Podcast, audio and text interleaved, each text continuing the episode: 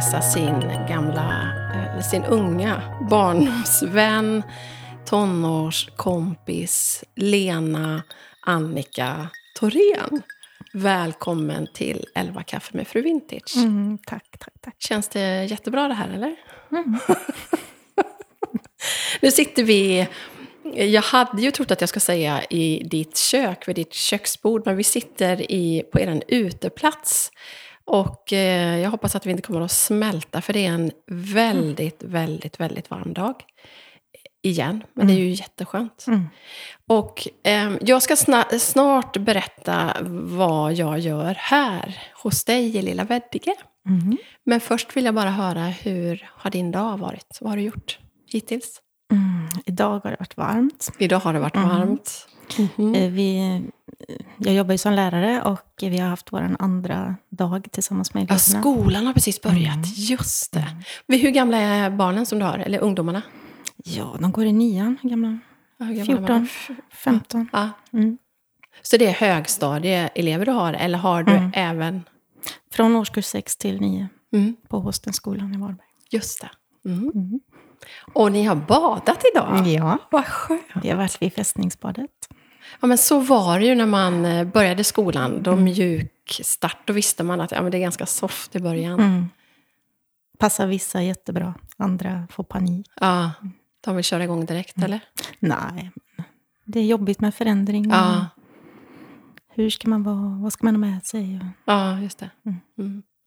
Eh, har du någon särskilt... Eh, något särskilt som du tar med dig från de här första dagarna? Eller något särskilt som, som har hänt idag? Eller någon som, något, något särskilt som har hänt?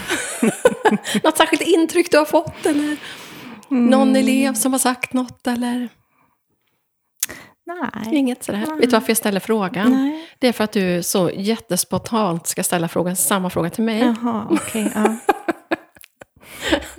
så kan jag berätta vad jag har fått för... Jag har två stycken händelser idag eh, som jag vill berätta för dig om. Och då tänker jag att du kan känna dig att du mjukas upp lite grann här nu under tiden. Mm. Eh, jag har ju bott på, lilla, eh, på ett litet fint bed and breakfast inne i Varberg som heter Okens. Mm. Och hamnade... Eh, de har en fantastisk frukostbuffé för det första. Och jag tog med mig min bricka ut i deras lilla trädgård. Eh, som ju är som att man sitter i Toscana. Det är så mysigt. Har du varit där? Nej, Nej. inte varit. Det, du måste åka dit och bara äta mm. frukost. Det är så mysigt. Men i alla fall, då var det en äldre man och jag som satt där ute i trädgården. Och till saken hör att jag för ett par år sedan hörde någon intervju eller podd eller någonting med Stina Wolter. Mm. Och jag minns inte vad hon pratade om, men jag minns att jag där och då bestämde att jag ska bli bättre på att ta kontakt med nya människor. Inte bara sitta och ignorera. Ja, men, vi hamnar precis bredvid varandra, vi har bott på samma hotell, vi sitter vid samma frukostbord. Varför inte bara hälsa på varandra? Mm. Så jag, jag försöker bli bättre på att ta den där kontakten. För då pratade hon om att ja, men hur mycket ett möte med människor ger och vad man kan ge till den man möter och bla bla bla. Så jag började väl någon slags kallprat där med jag tror jag bara sa att ja, det var väldigt vad det är rörigt i Varberg nu. Eller något sånt där, för jag hade haft jätteproblem med att hitta någon parkering till bilen. Ni bygger ju om överallt mm. i Varberg. Ja, det går knappt att ta sig fram. Nej, men helt otroligt. Och mm. nya parkeringar och mm. grejer. Ja, och så det var vi överens om då. Och då visade det sig att han, han har haft koppling till Varberg sedan början på 50-talet. Han har aldrig bott här själv, men han har familj här, släktingar bor själv i Stockholm. Han kan ha varit ja, men närmare 80 år skulle jag tro. Och han var så... Och jag var på väg att börja gråta flera gånger för han var så uppgiven. Han satt där som en liten, som en liten skolpojke som har tappat sin godispåse eller inte hittat sin favoritbil i en mans vuxna kropp. Men han sa flera gånger, ja, det känns som allt är slut. Det känns som att det känns som att livet är över. Och så pratar han då om pandemin och, mm. och eh, han var föreningsaktiv annars och han var väldigt aktiv i något socialt, eh, något språkcafé för invandrare. Men allting är ju inställt. Så han, han tyckte att livet var slut. och nu var han och besökte sina släktingar som bor i Varberg. De har bott där hela sitt liv. Ja, och så var han så ledsen över hur de har blivit sämre på bara ett år. Och, och de bara ligger, de är sängliggande båda två. Han, han var här för att besöka dem och nu skulle han gå dit och, och laga lunch till dem. Och, och så sa han igen, ja, det känns som att, det känns som att allt är över. Mm. Det var så sorgligt. Vad hemskt att vara i den åldern Ja, i den här pandemin. Ja, men verkligen. Som om inte det skulle räcka då, att man åldras. Eh, ja, han var så ledsen över, över allt de hade planerat. Det var någon naturförening av något slag. Nej, de kunde inte ha sina föredrag och de kunde inte göra sina utflykter. Och, nej, nej, livet är slut. Livet är över. Och jag försökte liksom peppa honom. Och, vad, vad säger man till en snart 80-åring som ska åka och hälsa på? Jag tror att hans släktingar var 94 och 95 år. Mm. Man kan liksom inte kämpa. Nej. Kom igen, det blir bra. Nej, jag blev så tagen av det där samtalet. Och jag tänker, tänker dels på jag menar, att ta vara på livet. Mm. Just det här att man inte vet vad som händer. Vi har ingen aning. Mm. Nej, det här är ju jättekonstigt. Ja, det är en konstig Tid tid. Ja, det är det verkligen. Och nästa sak då, som jag spontant ska berätta för er om, det var att jag har ju, jag har ju spelat in en podd tidigare idag, gjort ett eh, plåtningsjobb och var helt genomsvett. Och så kom jag på, för att jag hörde någon prata om att de skulle gå till Kärringhålan. Så jag gick till eh, någon av kedjorna, köpte en handduk, rena underkläder, en deodorant. Och så gick jag till Kärringhålan. Och för den som inte vet vad det är så är det ett nakenbad för damer. Och det, det var ju en annan typ av upplevelse kan man säga. Så jag köpte med mig en sallad och tänkte, åh, skönt ska jag börja ut med här. Och jag, jag är väldigt ovan, upptäckte jag då, att vara naken inför andra. Det är en sak i ett, i ett badhus, eller... Men här... Jag vet inte, har du varit där eller? Ja. Men en del är ju så vana och så, så liksom bekväma i sina kroppar på något sätt. Men det är ett speciellt ställe för, alltså jag tänker när jag går dit att jag måste inte vara naken. Nej. Om man inte vill Nej, det. och jag Men- var ju inte det. Nej, men man För att blir, vara lite, ärlig. man tittar ju lite, eller man blir tittad lite snett på. Om man inte är naken, Ja, men för det är inte verkligen. riktigt okej. Nej. Och jag, man upptäckte ju snabbt vilka små grupperingar som brukar hänga där, som hade läderhud. Alltså de var ju så svarta så att du såg ju inte vad som var fram och bak, höll jag på att säga. så det var... Men jag badade i havet och det var så skönt. Ja, men det är ju... Mm, ljuvligt. Mm. Men varför vi är här är ju för att när jag startade min podd så bestämde jag mig redan från början att jag vill att det ska bli ett samtal med alla typer av människor. Nu har jag ju åkt runt och haft en liten poddturné och träffat en massa kreatörer och entreprenörer och folk med stora konton. Men jag vill också ha det här samtalet med ja, men oss vanliga. Mm. Så du är här för att du är så vanlig. Jag är vanlig. och sen var det också flera som skrev det när jag tog upp frågan på mitt Instagramkonto. Vem man vill höra och vad man vill att vi ska prata om för ämnen. Då var det flera som skrev, kan du inte bara prata med vanliga människor? Mm. Så nu sitter Mm, härliga, vanlig. vanliga Annika här Ja. i lilla Veddige utanför Varberg. Mm. Och jag tänker att vi ska prata eh, dels om lång vänskap, vi har ju känt varandra väldigt länge. Mm. Eh, om långa relationer, för du och din man har ju också hängt ihop väldigt länge. Mm. Eh, men också vad som händer när livet går sönder och hur man tar sig vidare. Och där har vi också en gemensam upplevelse som vi ska prata om lite senare. Men börja med att berätta om din familj. Ja, eh, min man Roger. Vi har tre barn, Emmy, Moa, Leo. Hur länge har ni hängt ihop nu? Eh, hur länge har vi hängt ihop? Vi gick in årskurs nio på Vidhögskolan Ah, här i Veddige. så det är ju Ja, det kan vi knappt räkna Nej. efter, säga. Årskurs 9, men då är man 15 va? 14-15 Mm, år. det är precis de eleverna Ja. har idag. Åh, ja, just det. Tänk att ni var så Vi- unga. Små barn. Ja, små barn. Vi Mm. var ju inte äldre heller. Mackan och jag. Och vi- vad vuxen man tyckte att man var. Eller liksom. hur? Mm, Verkligen. visste ju allt. Ja. Mm. Men kan du tänka nu efteråt att, att du tänkte, eller att ni tänkte redan då, att det här är, det är vi för livet? Eller såg du det som en tonårs... Eh, ja, hur tänkte man? Alltså, det var väl lite eh, första där, eh, lite stö, eller det var stökigt. höll jag- som det också säga, kan vara ja, när man är tonåring. Lite rörigt. Man vet ju inte riktigt vad man vill själv kanske. Men, nej, men jag tror att, att, att jag, tänk, jag... Alltså, min bild var nog att det var jag och Roger. Och Ja. sen, eh, jag ville ha familj och jag visste att jag ville ha barn. Och, ja, Ja. tidigt. Ja. Och vi, vi sa det vid något tillfälle att eh, ja, men innan vi är 30 så ska vi vara färdiga med, med, med att få barn. Då ska vi inte ha fler barn efter 30. Så, att, och så blev det. Och så blev det. Mm. Det har ni hållit. Det höll vi. Ja. Mm. Och barnen är hur gamla? Eh, Emmy född 95, 25 i år. Moa 96, 24 då. Ja. De är eh, stora. ja, och Leo 99. Så ja, det är tajt. Det är tajt Mm. och det är helt otroligt vad fort åren Mm. går. Det är det. Tänk när vi satt med småbarnen runt benen. Det känns Mm. ju... Det är ju fånigt att säga, men det känns ju verkligen inte länge sedan. Nej. Va? Och i och med att ni flyttade iväg också så ser jag ju fortfarande era barn eh, som de Ja, men- små barnen. ja, men precis. För det är den relationen jag har Ja, till, till ja men verkligen. Så de är ju små. Ja, men verkligen. Mm.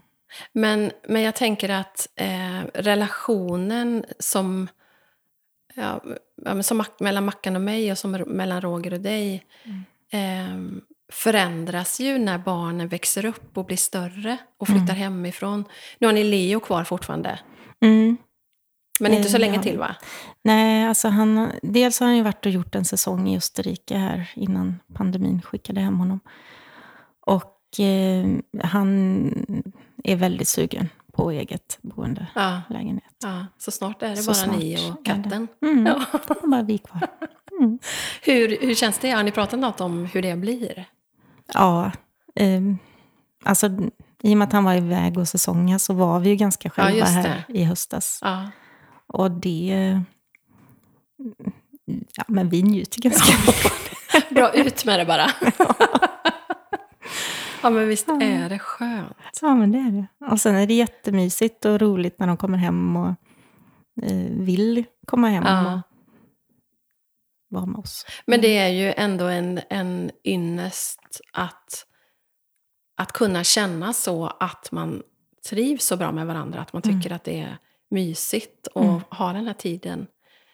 När du ser tillbaka, för det är ju då, men det är ju 35 år måste det ju vara. Någonting sånt. Mm. Ja, men alltså vi har ju 25, varit gifta i 25 år. Ja.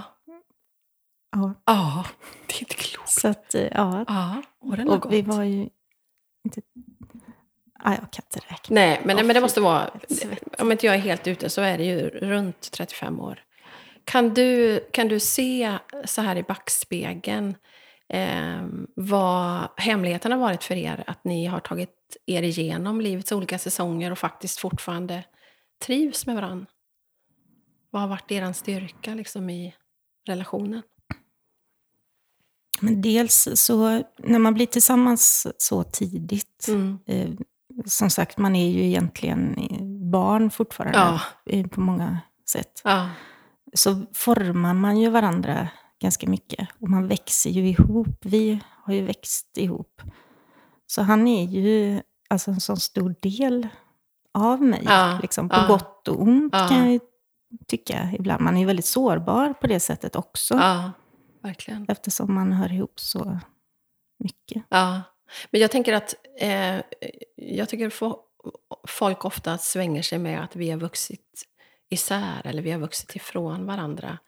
Eh, hur har ni gjort för att inte hamna där? Har det liksom varit något medvetet val eller? Jag, jag vet när vi fick barn tidigt. Ja. Eh, och, och då var det någon, du, tror jag, jaså? sa, ja. Vad sa jag då? Då sa du så kloka saker. Eh, att vi skulle ta ledigt från eh, våra barn och framtida barn. Vi hade Emmy då, vet jag, när vi gifte Ja, oss. ja, Och så hade vi hund också. Vi skulle lämna hund och barn. Och så bara ta vara på varandra. Och det har vi varit bra på, tycker jag. Eh, vi har alltid haft eh, vår relation. Och sen har vi ju haft naturligtvis relation till barnen med. Men vår relation har varit viktig på något sätt. Vi har Ja. liksom vårdat den, tycker ja, jag. ja. Vi har åkt iväg och vi har lämnat bort barnen och vi har varit bara vi. Och nu har ni ju den stora ynnesten att ha dina föräldrar så nära. Mm. Bara gatan bort. Mm, det har ju varit, det har jag sagt till mamma många gånger, att hon har räddat vårt äktenskap genom bara finnas. Ja, det brukar jag säga till eh, min stora syster Millan. Att hon, Den har hon varit för oss. Mm, Eh, man behöver någon. någon, Det måste inte vara en släkting om man inte har närhet. Men, men jag tror ju att det kan vara en hemlighet att, att utse någon som barnen får lära känna och tycka om. mm, Så man kan lämna dem utan ja, men att vara orolig. Utan att man vet att barnen har det bra. Och Mm. att det blir en ytterligare vuxen som bara berikar deras liv. mm. Precis, och det blir ju på båda håll. Ja. De har ju en relation till mormor och morfar som är helt naturlig eftersom de har vuxit upp. Ja, men verkligen. Men har det varit en självklarhet eh, genom livet? Eller har det varit säsonger när ni har känt att nej, men det skiter vi i det här? Kriser tror jag alla har. Ja. Ja, det har vi också haft Ja, naturligtvis. Men nej, någonstans har det nog, nej, det är detta jag, vi vill. Jag det, är det, det är det här jag har att förhålla mig till. Ja, honom ska jag ha Honom ska du ha. ha kvar. Ja. Ja. Men hur har ni gjort? Ni har, som sagt, ni har ju tagit tiden då och liksom vårdat relationen. Ni har ju varit bra Mm. på och ni har ju rest mycket och gjort mycket saker som ändå berikar livet. Ni åker skidor och ni... Mm. ja, Jag tänker att det skidåkning och löpning. löpning har blivit en stor grej. Ja. ja. Nej, Vad har vi gjort? Vi har, grejat med vårt hem. Vi har ju byggt om och haft gemensamt mål med det. Ja. Hur länge har ni bott i huset? Ja, det skulle vi också bara bo i några år. Är vi kvar. Det var det där tillfälliga Mm, boendet ja. som blev... Första. Ja. 92 flyttade vi hit. ja. Ja. För ehm, vi ska återkomma, men, men jag tänker...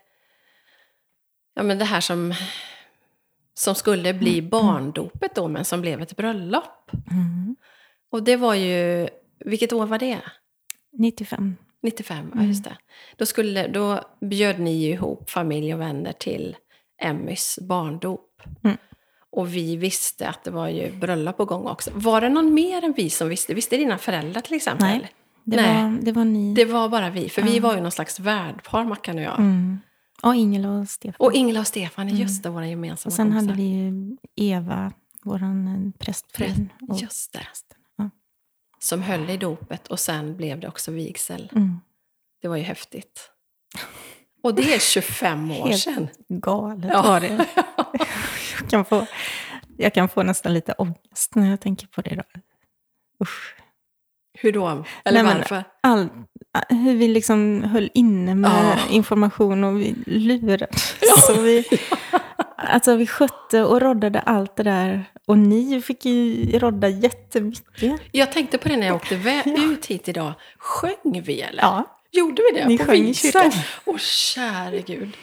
Ja det har vi på video. Vad sjöng vi? Det kommer inte, jag, bara kommer ihåg, har någon minnesbild av att vi sjöng och Mackan spelade gitarr va? Ja, ja, ni sjöng båda två. Och Mackan spelade. Eh, ni sjöng den här... Någon kärlekssång förmodligen. Förlåt om det inte lät bra. Jo, det, det var fantastiskt fint. Fast Emmy var, skrek ganska mycket under, Det kommer inte jag ihåg. Hur gammal var hon då? Eh, Hon är född i januari och vi gifte oss 29 april. Just det. Tre månader. Ja. Mm. Jag har någon bild på när du sitter och ammar där i bröllopsklänningen i församlingshemmet Mm. i Veddige. För vi gifte oss i samma kyrka som Ja. er, Mm. fast fem år tidigare, 1990. Mm. Och vi gick i skolan tillsammans på Vidhegeskolan. Jag tog faktiskt omvägen förbi Vidhögen nu när jag åkte hit idag. Oj, oj, oj. Mm. Det är något speciellt att se sin gamla skola. Mm. Det är väldigt mycket som är sig likt, men också mycket som är förändrat såklart. Mm. Jag gick ju i, i den, eh, där det, står ett, oj, där det står ett G på huset. Där gick jag och hade Svenne och Lotta, jag på att säga, det heter hon inte. Men Svenne och Monica heter mina lärare. Ja, just det. Ja, på mellanstadiet Ja, hade på, du mell- ja, på mellanstadiet, precis. Men vi har ju egentligen hängt mest sen vi blev tonåringar uppåt. Mm. Jag är ju ett år äldre än dig, så jag fyller 50 nu första november och du fyller 50 första februari.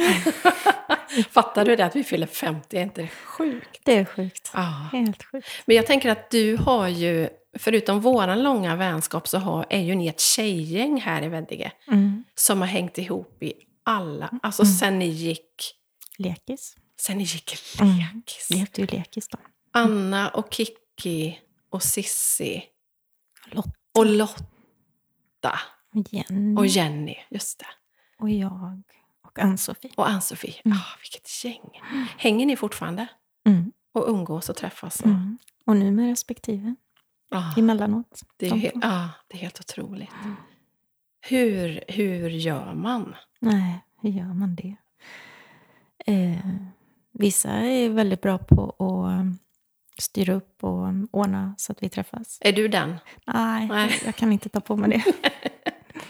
Är det någon som har liksom gjort det i alla år då, som fortsätter? Och, Ja, sen har vi ju ett par grejer. Vi har alltid kräftskiva till exempel och det går runt då. Så Ja, just det. blir man påmind. Ja, men nu är det er tur.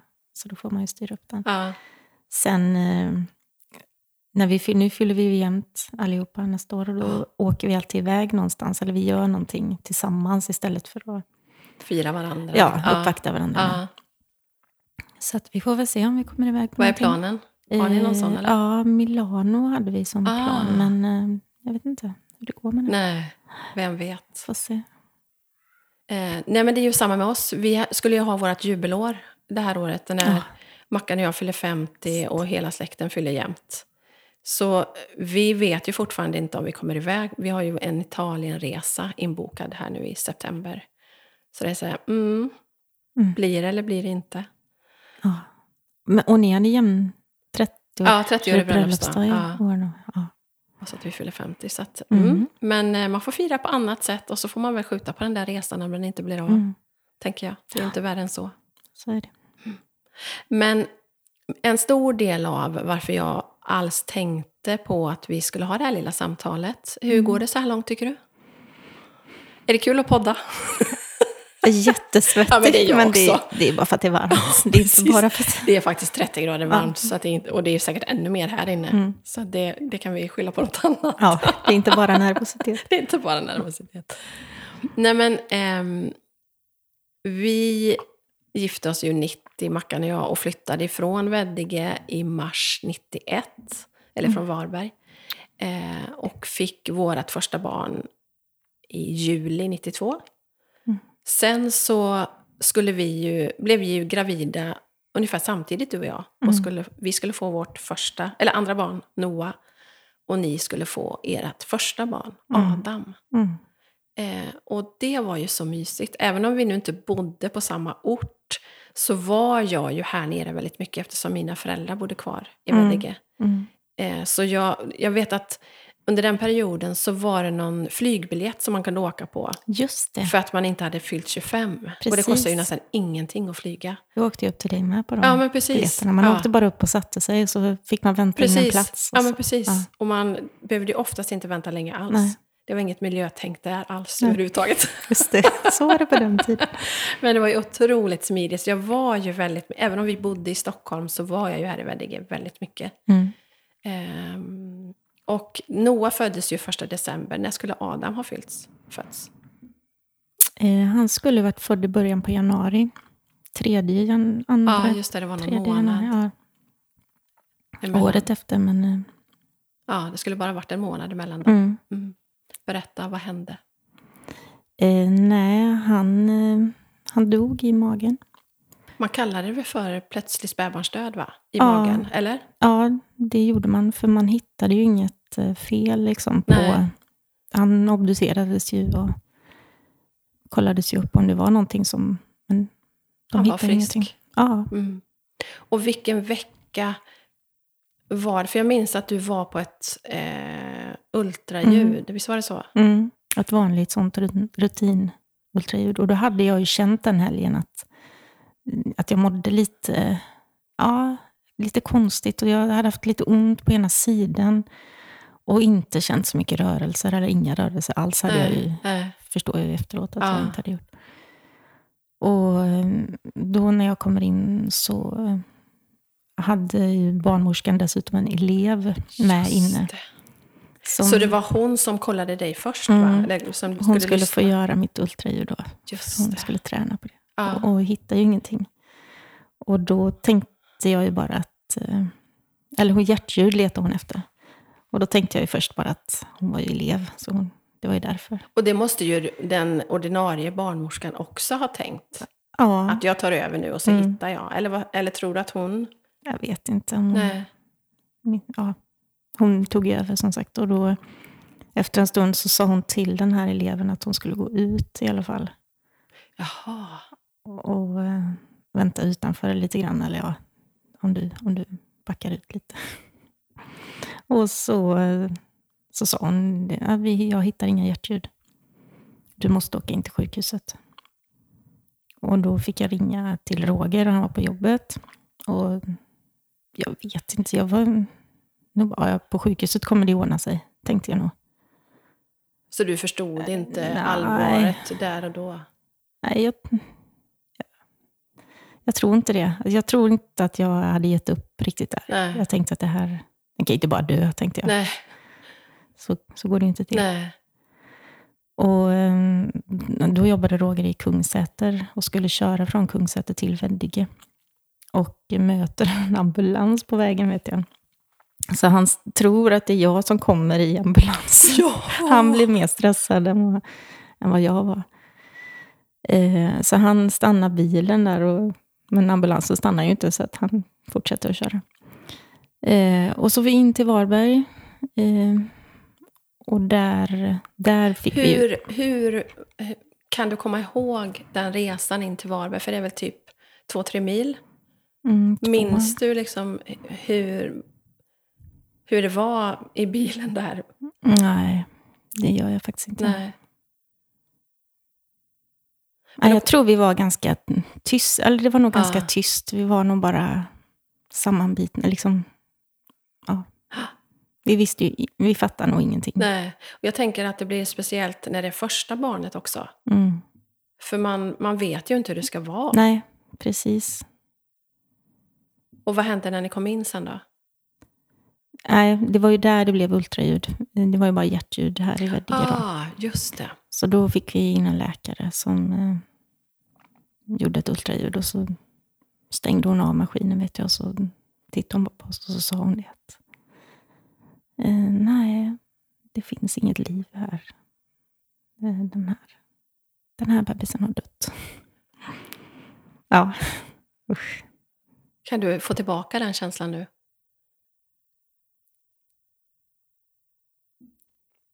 Mm. Jag vet, visst är det... Visst är det jag vet att jag, skulle, att jag berättade för någon att vi skulle prata om det här och jag kunde inte heller hålla mig. Det bara brast i gråt. Känns det okej att fortsätta? Ja. Mm. Vad händer då? Där ligger du med Ja. magen i vädret. Och, Ja, usch ja.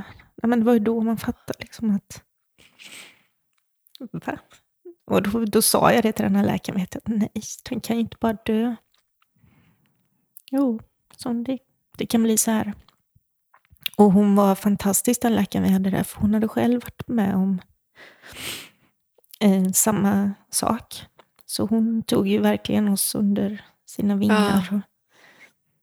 Och, ja, hon, vi hade fortsatt kontakt med henne efteråt sen. Hon ringde hem och jag fick wow. ringa henne liksom, när jag var ledsen. Och, ja, Fantastiskt. helt fantastisk Ja. var hon. Och eh, nej, då, då blev ju, då fick jag ju sån här eh, igångsättningstablett, heter det. Fick du det Ja. där och då? Alltså Ja. på en gång? Det fick jag. Och sen, eh, och då var det, det var mitt på dagen någon gång detta hände. Eller vi liksom fick, ja, Ja. vi kom in. Och sen föddes han på morgonen dagen efter. Så du fick vara kvar då under Mm. processen? Mm. Och jag fick ju, jag fick, de sa ju det att du, du kommer få så mycket smärtlindring och bedövning det går eftersom vi inte behöver ta hänsyn till barnet. Här. Så, de, var, ja, de var jättefina, helt fantastiska människor som tog hand om oss där inne. Men var du då på samma plats där, där alltså, levande barn föddes? Eller, Mm. eller var, liksom, Jag var inne på förlossningen. Så att du hörde barnskrik? Mm. Och, hur var, kommer du ihåg den natten? Hur det var? Det här är ju, Ja, vi ska ju tillägga det, länge att det här är ju sedan. Det är- 27 ja. år sedan. ja, det är jättelänge sedan. Ja, Det är ett liv eh, emellan, känns det Ja. som. Ett, eller, eller ett annat liv. Känns det så? Ja, på något sätt gör det det. Man har ju det med sig. Och som sagt, vi kan inte sitta här nu och framkalla liksom känslor som Ja. gör att man blir jätteledsen över detta. Men, men eh, samtidigt så är det ju ja, typ ett annat liv. Vi har ju tre Ja, barn idag ja. och har ju gått passerat det. Ja. Men man har det med sig. Och eh, mm, det På ett sätt kan man tänka att varje sån här erfarenhet som man får när man går igenom en, en jobbig upplevelse Mm. gör ju att man... Jag vet inte vad man ska säga, men att man... eh, Det gör ju en mer sårbar på ett sätt, men det gör en stark på ett annat sätt. Ja. Det är liksom både och. När någon går igenom något jobbigt så känner jag att jag, liksom, ja, jag har också varit igenom jobbiga grejer. Jag, kan, jag kan ta det liksom Ja. på något sätt. Man kan relatera. Ja, även om det är helt olika Ja. upplevelser så är det liksom ändå... livet på något sätt, Mm. livserfarenheter. Men det hemska tänker jag ju i allt det här var ju att du var tvungen att gå igenom en, en normal förlossning Mm. och verkligen föda ut honom. Mm.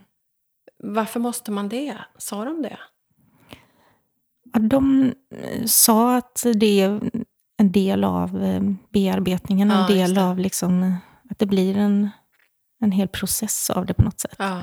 Och just då tyckte jag att det lät så sjukt. Jag kommer ihåg att du berättade Ah. det efteråt, att du bara ville att, att de skulle ta ut honom. Ja, Ja. Ta bort det här. Mm. Liksom, jag vill bara åka hem igen. Jag vill... Men eh, efteråt så förstod man ju liksom att det de sa stämmer ju. Det är ju så. Man, jag behövde ju gå igenom allt det. Jag var ju, så in, jag var ju liksom där i min graviditet. Och ganska så beredd på att förlossning var ju nästa steg. Och Ja. han var ju liksom färdig. Ja. Ett färdigt barn. Och, och sen ville jag ju in, jag ville ingenting. För, jag ville inte vara med om förlossningen. Jag ville inte se honom. Jag ville inte ha med det här att göra överhuvudtaget. Bara ta bort. Bara åka hem. Ja. Ja. Men eh, sen, ja, det blev förlossning och eh, jag var uppgiven då, vet jag, att jag tänkte att liksom det här, det spelar ingen roll, liksom, för vi får ändå ingenting för det. Nej.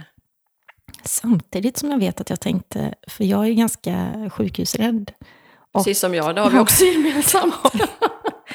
och hade varit ganska orolig för förlossningen. ja. Men då tänkte jag det, vet jag, att eh, ja, är det inte värre än så här om man får ett levande barn också? Just. Kunde du tänka det då? så är väl det här Ja. ingenting. Liksom. Så kunde jag tänka. Jag får ju, men mig var det ju jobbigt för, för Ja. jag fick ju ingenting Nej, för fick det. inget. Det var ju så Ja. mest synd om mig Ja. det läget. Ja.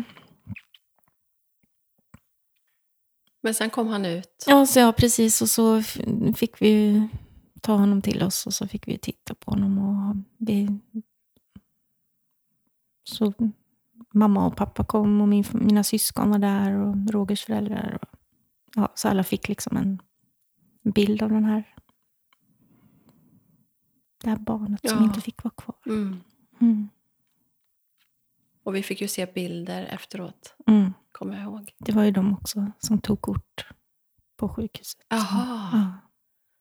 vad bra. Ja. För det tänker man ju inte heller Nej, på. och det tror man inte att man ska vilja ha. Eller jag Nej. tänkte inte att jag ville. Men då när du, när du hade fött ut honom, var det självklart då att du ville se honom? Eller Nej. var det något som de hjälpte dig med? Mm. De tog, han var ju liksom nerbäddad i den här vagnen när jag tittade på honom första gången. Ah, Ja, så han låg ju i en sån här... som- liten bädd som Ja. de gör.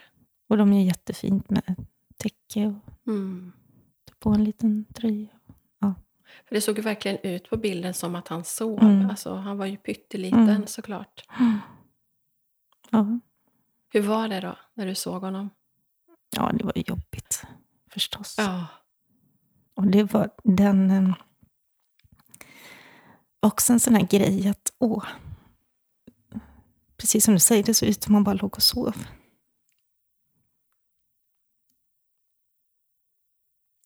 Mm. Drick lite vatten. och hämta dig lite. Var du beredd på det här, Annika?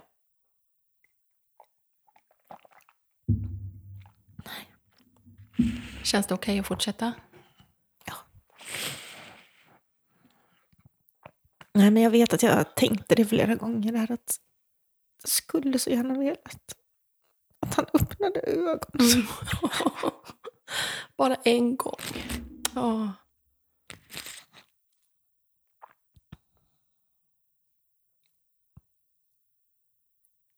Jag tänker att det, det måste ju också hjälpa en i processen att faktiskt ta in att han är död. Att han, för jag, Ja, utan att ha gått igenom det så kan jag tänka att man undrar när man åker hem om det verkligen... ja, precis. Om jag inte hade sett honom. Ja, jag menar det. Ja, självklart. Och det vet ju de Ja, ja men precis.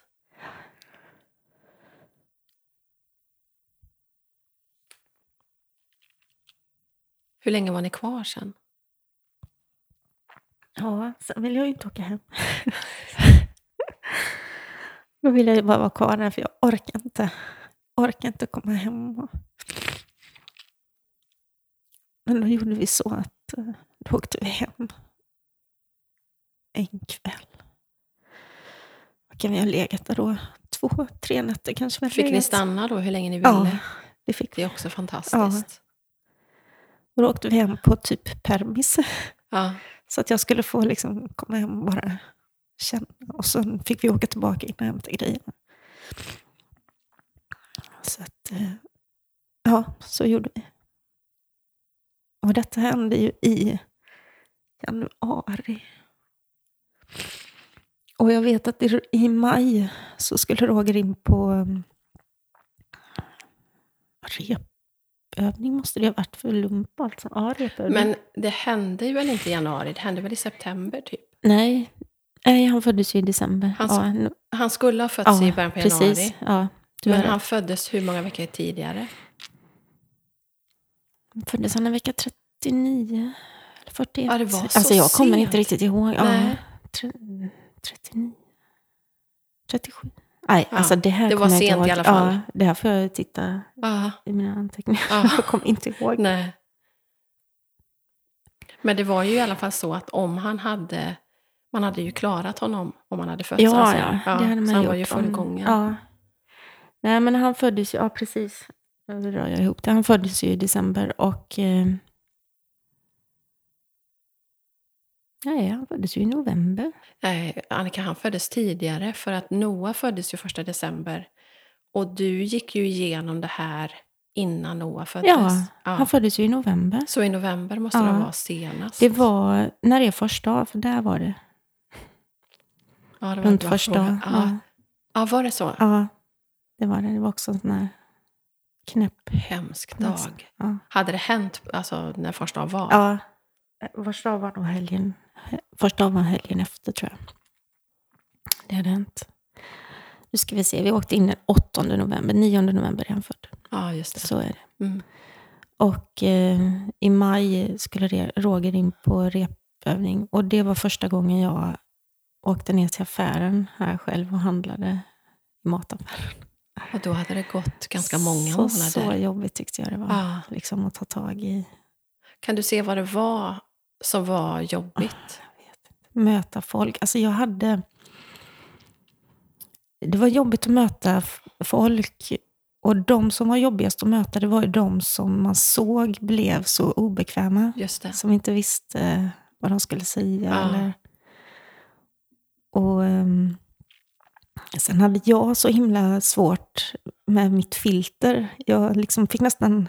Visste jag att jag skulle ut bland folk så fick jag nästan bestämma innan att det här och det här kan jag säga. Det här och det här tänker jag inte svara på om de frågar. Det. För Ja.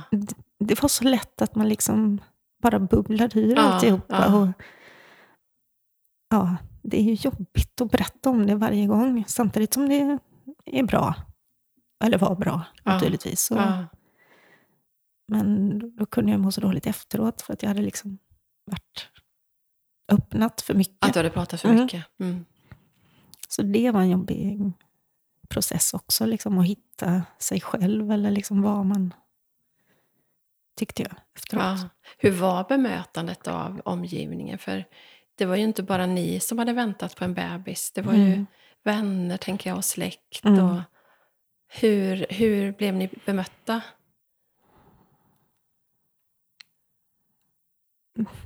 Både och. Verkligen. Det...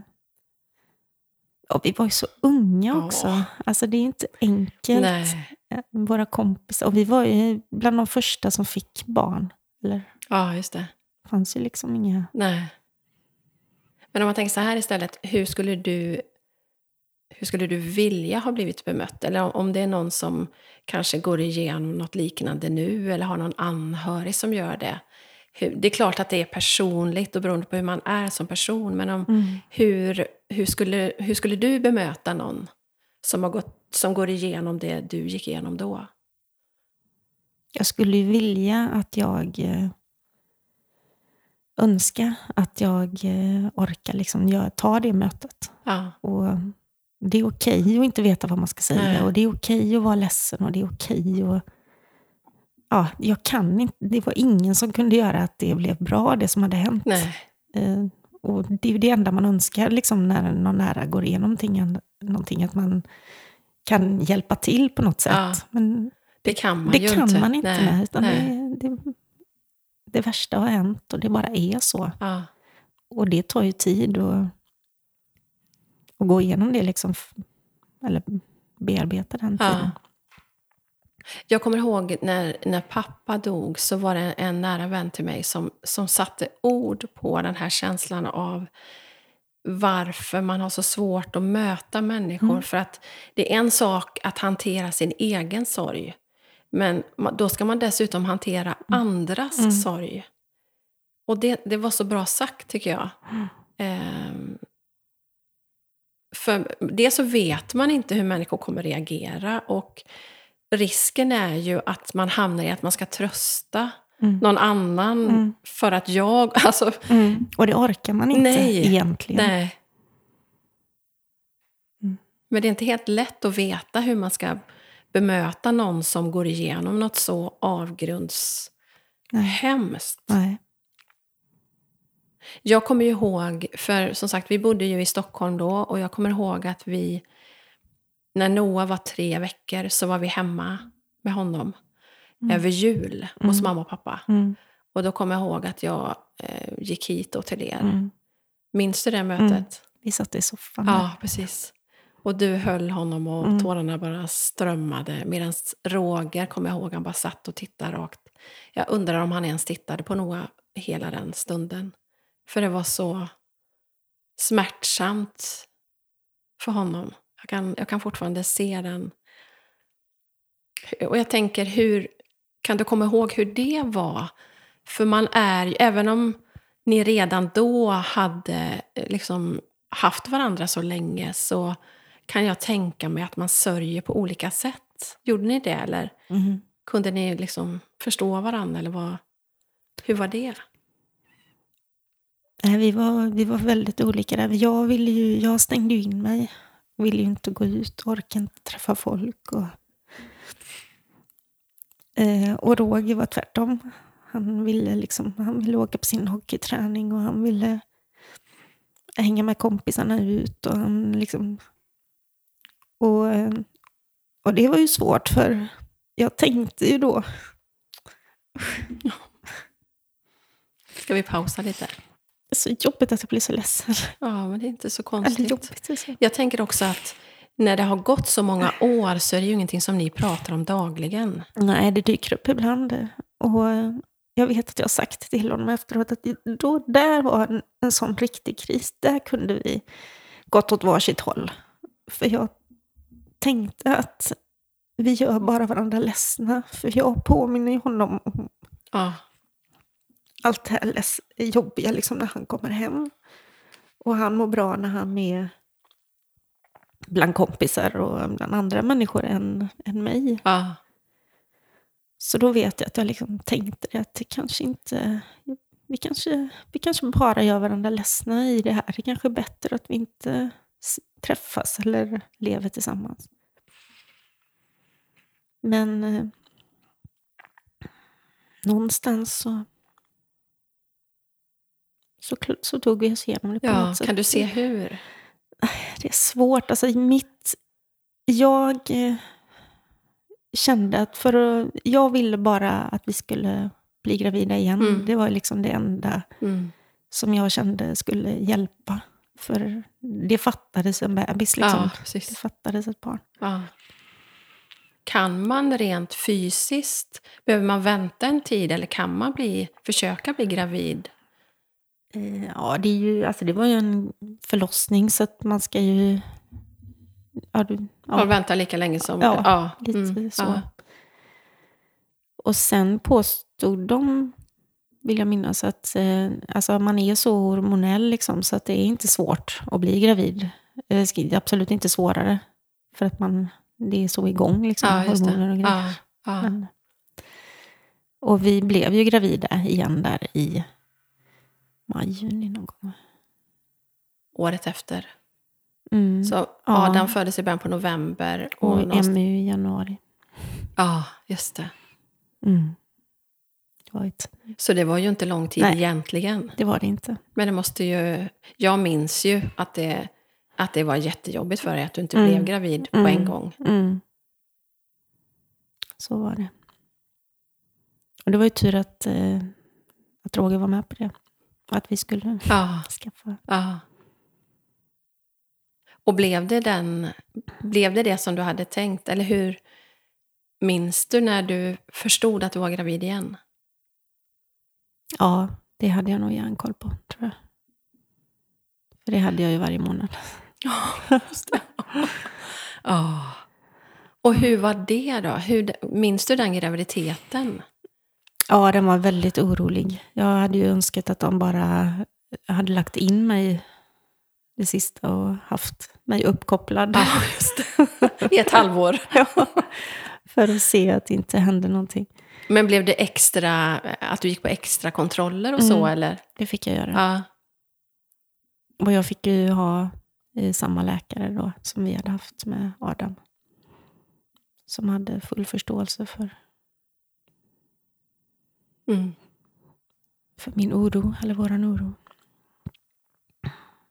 Mm. Mm. Mm. Tänk va. Mm. 27 år senare Mm. sitter vi här. Mm. Jag tänker ju, jag berätt, sa det till Mackan häromdagen, att varenda gång som Noah fyller år så tänker jag på Adam. Ah. Fast det har gått så många år. Mm. Hur, ja, Mm. Även om inte vi bodde här och de hade säkert inte haft något med varandra att göra. Men så, så tänker jag ändå att de skulle ha varit i samma ålder. Hur, Mm. hur, och liksom hur, hur har de tankarna gått genom åren? Vi har vi har nog tänkt att hade Adam fått finnas så hade ju antagligen inte Emmy funnits. Nej, så att, Nej. så att vi har ju de barnen vi har idag Mm. för att för, att det blev som det blev. Liksom. Men tänker du att du har tre konstigt. barn eller att du har fyra barn? Jag säger oftast att jag har tre barn, Ja. för annars så får man ta hela Ja, den här. precis. Och det, Ja. så att, eh, nej, jag har tre barn, det fattas ett. Men det kommer ju alltid att göra. Mm. Hur, har, hur har det varit genom åren med... Har, liksom, har ni fortsatt att gå till gravplatsen? Eller? Ja, vi har ju en gravplats. Sen har vi aldrig... Vi har inte, det har inte varit så viktigt, Nej, jag tror jag. vet det. Eh, Men den finns. Och det är nog mer lite pliktkänsla. eller liksom så här eller att ja, vi ska tända ett ljus och man ska Så att man har gjort det. ta bort lyktan i tid och man ska lägga dit lite ris. Och, ja, Ja. ja, Jag känner så. igen det från pappas grav. För, för mig är inte han där. Nej. Så, så, så för mig är det igen, jag ska inte säga att det är ointressant, men den är o, alltså gravplatsen är oviktigare än vad jag trodde att den skulle vara. Mm. Jag tänkte, för vi har ju ganska långt mellan där vi bor till där pappa är begravd. Han är ju begra- begravd hemma i Ulricehamn där han Mm. växte upp och så. Men jag har inte haft något behov Nej. alls, för han är inte där. Det är en, en gravsten. Mm. Och det blir mer i så fall att jag svänger förbi för släktens skull. Mm. för att de ska se att vi har varit där. Mm. Ja.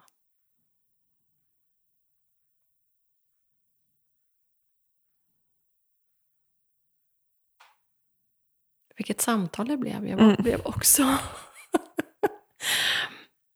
lite oberedd. Fast, fast jag, jag, som sagt, när jag har pratat om med eh, Mackan och andra vad vi ska prata om så har tårarna stigit. Så jag var lite beredd på att det skulle bli känslosamt. Mm.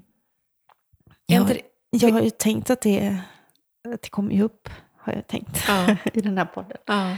Men jag trodde nog inte att det skulle kännas så mycket. Nej. Pratar ni någonting i familjen? Med barnen och så?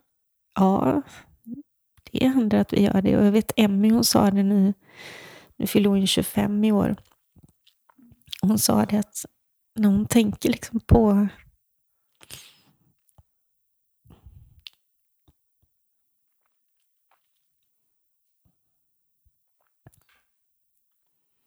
men att hon, ja, hon sa att jag kan bli så ledsen så när jag tänker att ni var så unga och ni ville så gärna ha, ha det här barnet och så fick ni inte det. Åh. För du var ju, ni var ju yngre än vad hon är nu. Ja, precis. Det är väl Ni det. var 22 då? Eller skulle fylla 22? Ja.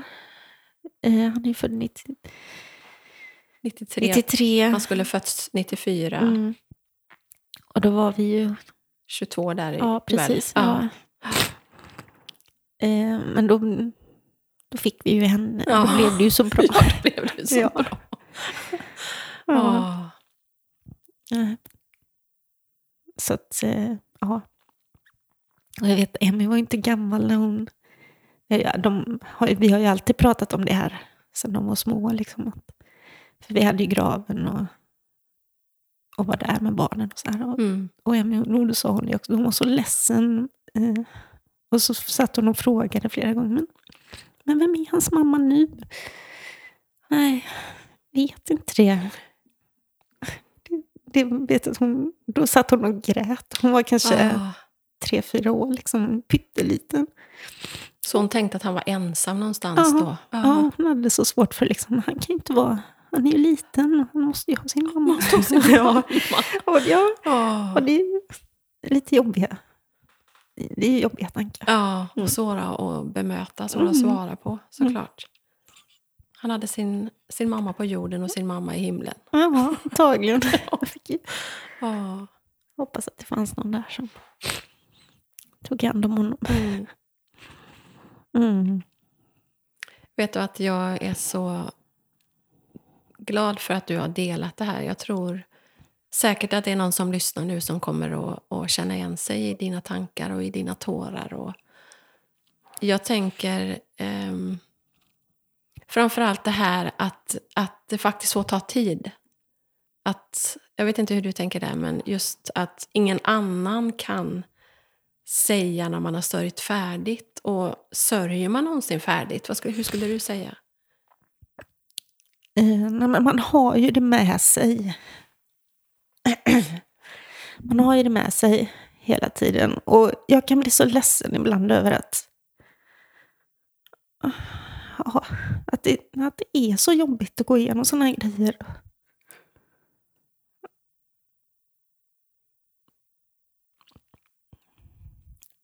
Och man kan verkligen plocka fram det. Vad har vi? Så 27 år senare så kan Ja. vi sitta och vara jätteledsen Ja. över. Och samtidigt tänker jag att det är fantastiskt vad vi faktiskt klarar som människor. Ja, För jag kan, jag kan tänka att du där och då bara kände att jag, jag vill också dö, jag vill inte fortsätta leva. Alltså, Mm. det, just då är det ju så hopplöst. verkligen. Det är ju som ett svart hål vet Ja. jag tänkte att jag tänkte att jag kommer inte upp ur det här hålet. Nej. Men Men det gjorde du. det gör jag. Ja, det gjorde du. Ja, Och nu har ni tre fantastiska barn ja det har ett fantastiskt liv tillsammans. Och Mm. förhoppningsvis många härliga barnfria år framför er. Ja. Så kan jag ju rekommendera det här med att bli mormor och morfar. Mm, mm, Eller farmor och farfar. Åh, du kommer att älska det Annika. mm. Jag säger det till eh, dina barn nu då när de kommer att lyssna på det här. Mm. Lova att, ni, att de inte behöver vänta allt för länge. Ja. Åh. ja, hjälp.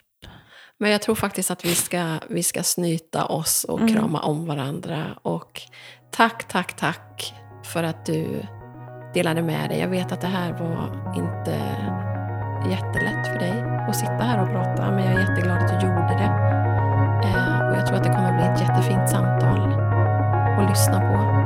Tack Annika. Nu ska vi gå och Bada. bada. nu går vi och badar. Vi ska i alla fall öppna upp här så att vi kan andas och inte flyta iväg. Mm. Tack så mycket. Och tack till alla er som har lyssnat.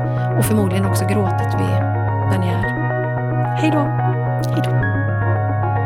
Jag är så otroligt stolt och glad över att Läkarmissionen ville bli min huvudsponsor för podden. Så det här avsnittet görs i samarbete med just Läkarmissionen som ju är en hjälporganisation som förändrat framtiden för utsatta människor ända sedan 1958. Och vill du veta mer om Läkarmissionen så kan du lyssna på mitt poddavsnitt som heter just Läkarmissionen och även ett avsnitt som heter Mer än den svarta rutan som handlar om när min son och jag var med Läkarmissionen på en resa till Etiopien. Och jag skulle verkligen vilja utmana dig, uppmuntra dig om du har en hundralapp eller mer över i månaden så kan du bli månadsgivare och det är det bästa stödet att ge. Därför att då vet Läkarmissionen att pengarna kommer in kontinuerligt och man kan planera för framtida projekt. Eh, om du dessutom blir eh, månadsgivare via min, min plattform och mina kanaler så får du en väldigt fin premie. Du får mitt finkaffe och du får en handgjord keramikmugg. Det är fem stycken fantastiska keramiker som har sponsrat med sin keramik. Så gå antingen in på www.lakarmissionen.se snedstreck fru bindestreck vintage så kommer du till den här sidan där du kan fylla i och samtidigt få en fin premie hemskickad till dig. Du kan också gå in på min profil på Fru Vintage på Instagram. Där hittar du också länken. Så var med och förändra framtiden för utsatta människor. Ditt bidrag gör verkligen skillnad.